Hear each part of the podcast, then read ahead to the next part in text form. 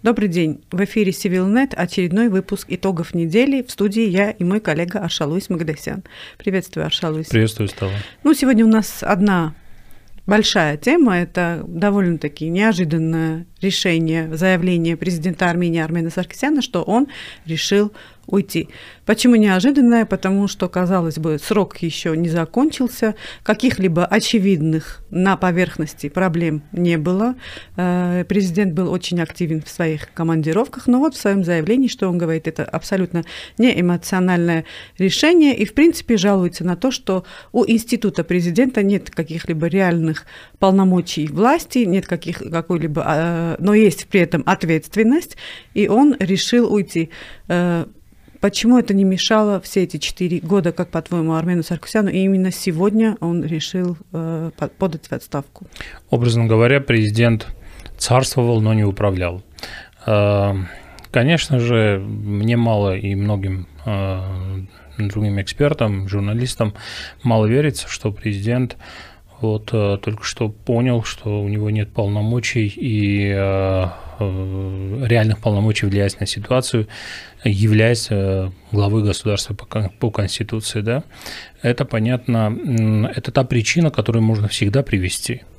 И и ясно, что президент не только что понял, ну, то есть, что ситуация такая, что он должен уходить, что у него нет полномочий. Дело в том, что с уходом президента можно сказать, э, ну, давайте на разделим, разделим на две части, да. Одна политическая, другая то, что вчера мы узнали об этом из uh, публикации uh, известного армянского издания HETK. HETK. Да, расследовательское издание. Uh, первое. Это то, что с уходом президента революция заканчивается. Это тот человек, тот чиновник, который Э, который был назначен, высокопоставленный чиновник, который был назначен еще при Серже Сарксяне, и который, и отношения которого с действующим руководством, мягко говоря, не были э, совсем благополучными, но все-таки он держался. Но в целом это тот процесс, тренд, который существовал в Армении на протяжении последних трех лет, э, это замена или заполнение командой Никола Пашиняна всего, Тотальное заполнение. всего государственного аппарата. И этот процесс должен был когда-нибудь коснуться и э, института президента, рано или поздно. Может быть, они бы могли договориться, чтобы он остался э, дальше. Но здесь э, вопрос в другом, что ситуация, мягко говоря, в Армении не самая лучшая, и э, будут, конечно же, достаточно серьезные решения, которые нужно, нужно будет, будет принимать, делить ответственность, хотя президент мог бы направить, направить все это в Конституционный суд, э, либо абстрагироваться от всего этого, но все-таки в будущем были бы э, определенные скандалы. С другой стороны, этот процесс существовал заполнение командой Пашиняна государственного аппарата, и этот процесс должен был затронуть и президента. Второй момент – это уже публикация армянского э, известного издания, э, там сеть расследователей, журналистов-расследователей, да, о том, что у президента, оказывается, было второе гражданство. Что... Какой-то карибской... Да, карибская, карибская там, маленькой да, стране. маленькой страны. Ну, это, ну, эти государства Карибского моря, и, и не только Карибского моря, это те маленькие страны, островки государства, где можно делать за, за определенные инвестиции можно получить гражданство в качестве в одном пакете. Да? Это те государства, которые были в свое время входили в колонию Великобритании, Англии и так далее, и сейчас они находятся, можно сказать, в геополитической, э, геополитическом поле вот этих государств, и имея такое гражданство ты можешь ехать, например, в Англию или другие, в метрополию, так скажем, образно говоря, без э, каких-либо визовых проволочек. Сейчас э, появилась такая информация, что у президента, оказывается, была такая такое гражданство. То есть второе гражданство тоже запрещено Конституцией, и, э, судя по э, публикации этого издания, президент ушел именно по этой причине. Ну, э, вот об этом должен был быть мой следующий вопрос. То есть, как, по-твоему, история с гражданством, расследование с гражданством и его публикация – это всего лишь верхушка айсберга, а под низом намного более глубинные причины во всем этом? А, И я бы хотела заострить внимание вот на том сценарии, что, возможно, в будущем могла быть какая-то катастрофа или документ, под которым, предположим, президент не хотел подписываться. Честно говоря, я не знаю. То есть это, это конечно, из области предположений. То есть в будущем мог бы быть вообще в политике, может быть все что угодно. Это искусство возможного. С другой стороны, в политике Армении особенно, которая находится в достаточно шаткой ситуации после проигрыша Второй Карабахской войны, войны, конечно, могут быть очень тяжелые решения, которые нужно принимать. Но эти решения принимает не президент, эти решения принимает правительство, политическое большинство. Президент президент как символ эти решения либо подписывает, либо не подписывает, да, а, но все равно от его, не, от его а, подписи, так скажем, в целом ничего не зависит. Он, ну так, символично, как глава государства что-то делает в этом, в этом направлении, но все-таки а, политическое решение принимается в другом месте. Что касается того, что это верхушка айсберга, то есть публикация. Часто мы, журналисты, часто также политологи. Вообще а, общество. А, вообще общество, а, так скажем, желает или хочет видеть во всех процессах очень глубинные смыслы. Часто за этими процессами стоят достаточно банальные моменты. Например, двойное гражданство президента. Например, какое-то, я не, не только вот этого, а об этом о решении президента хочу говорить, а о других вещах международной политики есть очень много вопросов, нюансов, а, которые там человек, тот или иной человек или высокопоставленное лицо принимает то или иное решение, может, принимая, может быть, исходит из каких-то банальных соображений, Но которые для него... Черную да, кошку в темной комнате. В темной комнате. И мы будем, э, и мы и имеющим, да, черную, именно черную кошку в темной комнате, я вспомнил просто один, э, один случай, когда э, очередной раз поставки из России газа в Армению приостановились, потому что Россия объявила, что вот, например, вот э, на грузинском участке трубопровода есть определенные моменты, которые нужно отремонтировать. Здесь некоторые политологи тогда, это был очередной период, так скажем, не совсем а, благоприятных отношений между Москвой и Ереваном, определенные скандалы тоже были. И некоторые политологи тогда все это восприняли как вот это, это самое, это шаг Кремля в сторону для, для того, чтобы шантажировать Ереван, сказать, там, предупредить в чем-то и так далее. Но после, ну, они сказали, что это займет 10 дней. Спустя 10 дней поставки газа возобновились. И никто, конечно же, прощения просил за то, что начал, за то, что говорил, за то, что за, за всем этим процессом видел какие-то геополитические соображения. Ну, если оценивать президентство Армена Саркисяна, э, который, кстати, э, был неоднозначной фигурой, его очень часто критиковали за то, что он занимается политическим туризмом, что нет никакой ответственности, есть поездки, особенно активно поездки в страны Персидского залива и так далее. Но э, как бы ты оценил вообще период президентства Армена Саркисяна? Ну, у него не было полномочий. Он был человеком, человеком, который исполнял лишь представительские функции. Тем не менее, он, у него были связи, есть он, и остаются Он понимал связи. все это, когда пришел а, в это кресло, сел в это кресло, и он сел в это кресло совсем другой политической ситуации. Он должен был быть символом, главой государства, так скажем.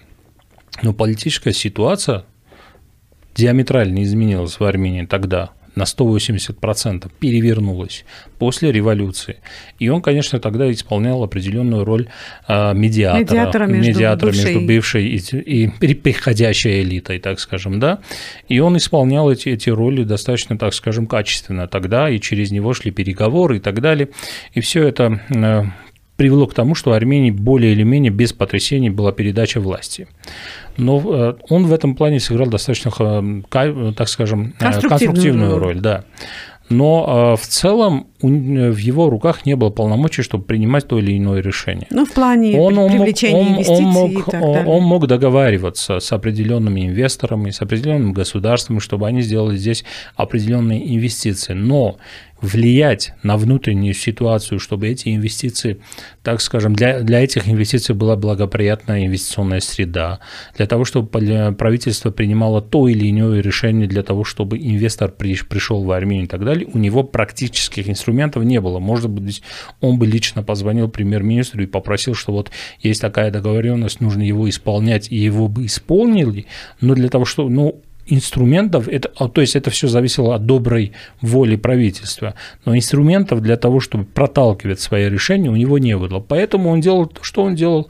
Он развлекал детей, он он, конечно же, путешествовал по миру, представлял Армению, желал добиться определенных договоренностей. И еще он открыл фактически саудовское направление армянской дипломатии. То есть э, то, что сейчас, э, по-моему, да, визиты тоже были, то, что происходили визиты. визиты, да, активные между Арменией и Саудовской Аравией, впервые, так скажем, потому что Саудовская Аравия одна из, э, после Пакистана, по-моему, вторая сторона, у которой, с которой у Армении нет вообще дипломатического отношения, ничего нет в этом плане. И это важное государство в арабском регионе, в э, мусульманском мире в целом, э, с учетом того, что Азербайджан хочет э, перевести Нагорно-Карабахский конфликт из межгосударственной плоскости также в плоскость религии. В этом плане фактор саудовского, саудовский фактор в, религи... в исламском мире очень велик. И здесь, конечно же, нужно дать ему, отдать ему должное в этом плане.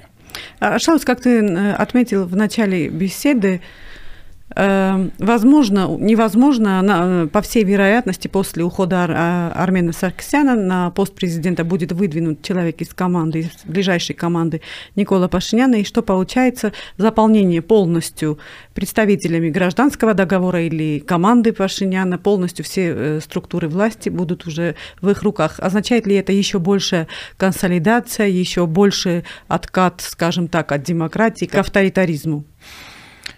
А, вы знаете, а, не берусь сейчас судить, но то, что, а, то, что конечно же, команда Никола Пашиняна заполняет собой государственную машину, машину это да. Он, что он делает на самом деле? Он хочет поставить на всех инстанциях государственной власти своих, так скажем, людей, которые, которые бы были исполнителями решений премьера или правительства.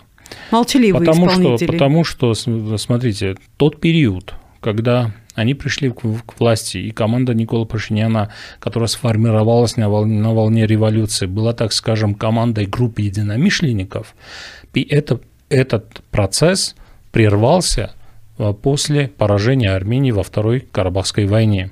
И процесс консолидации был, так скажем, форсирован – Э, после вот именно поражения и э, во время политического кризиса, который разразился в Армении, который завершился парламентскими выборами. Тогда и начался вот фальсификация этого процесса, процесса консолидации власти в руках Никола Пашиняна, который мы сейчас видим и который сейчас протекает. И его команда в целом из групп единомышленников превратился в лояльных исполнителей. В этом плане, да, конечно же, но, вы знаете, как, как один из э, политологов говорил, так скажем, э, хороша та власть и устойчива та власть, которая зиждется на нескольких сразу, так скажем, базисах. Э, потому что когда ты укрепляешь все, консолидируешь э, все в одной точке, в одной, в одной точке у тебя получается табуретка из, с одной ногой. А табуретка хорошо держится, когда у этой табуретки несколько ног, три, две, четыре. И сейчас как бы у Никола Пашиняна, так скажем, консолидация власти и есть определенная легитимность, и это, и это будет работать при этой легитимности, а если в будущем эта легитимность исчезнет? Если она будет не 50% или 60%, а будет 30, 20, что будет? Все бюрократические пути или стены, все юридические стены, которые ты ставишь перед или вокруг себя, себя, чтобы тебя не смогли снять с поста. Ты обеспечиваешь себя, все это. Это все становится настройкой, и которую можно запросто снести, если люди поднимутся на улицу. Э, хорошо. Э, из Армении перейдем на международные темы. Мы, в принципе, не можем никак не отреагировать на эскалацию, напряженность российско-украинскую, имею в виду. Но как бы никакого дискурса в Армении сегодня нет, никаких обсуждений на возможные сценарии, если вдруг будет война, что случится на Южном Кавказе и так далее. Э, как ты думаешь, вообще стоит ли связывать эти два региона или есть какая-то взаимосвязь? Конечно, есть взаимосвязь связь. Во-первых, нужно просто вспомнить, что случилось во время первого украинского кризиса. Армения оказалась в Евразийском экономическом союзе, хотя тогдашние власти утверждали, что Армения идет по, по, другому, направ...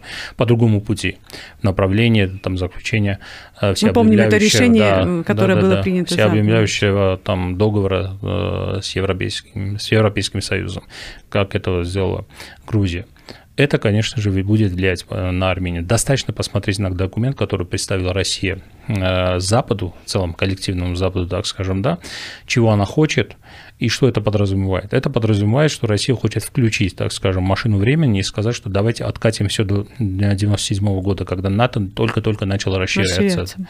Сейчас Россия, это, и, и это затронет наш регион хотя бы потому, что наш регион является в этом плане определенной линией соприкосновения НАТО в лице Турции и России в этом плане. Конечно же, это повлияет на наш регион. В первую очередь, повлияет, конечно же, на Грузию и, и на Украину. Ведь чего хочет Россия на самом деле, выдвигая максималистские, так скажем, требования?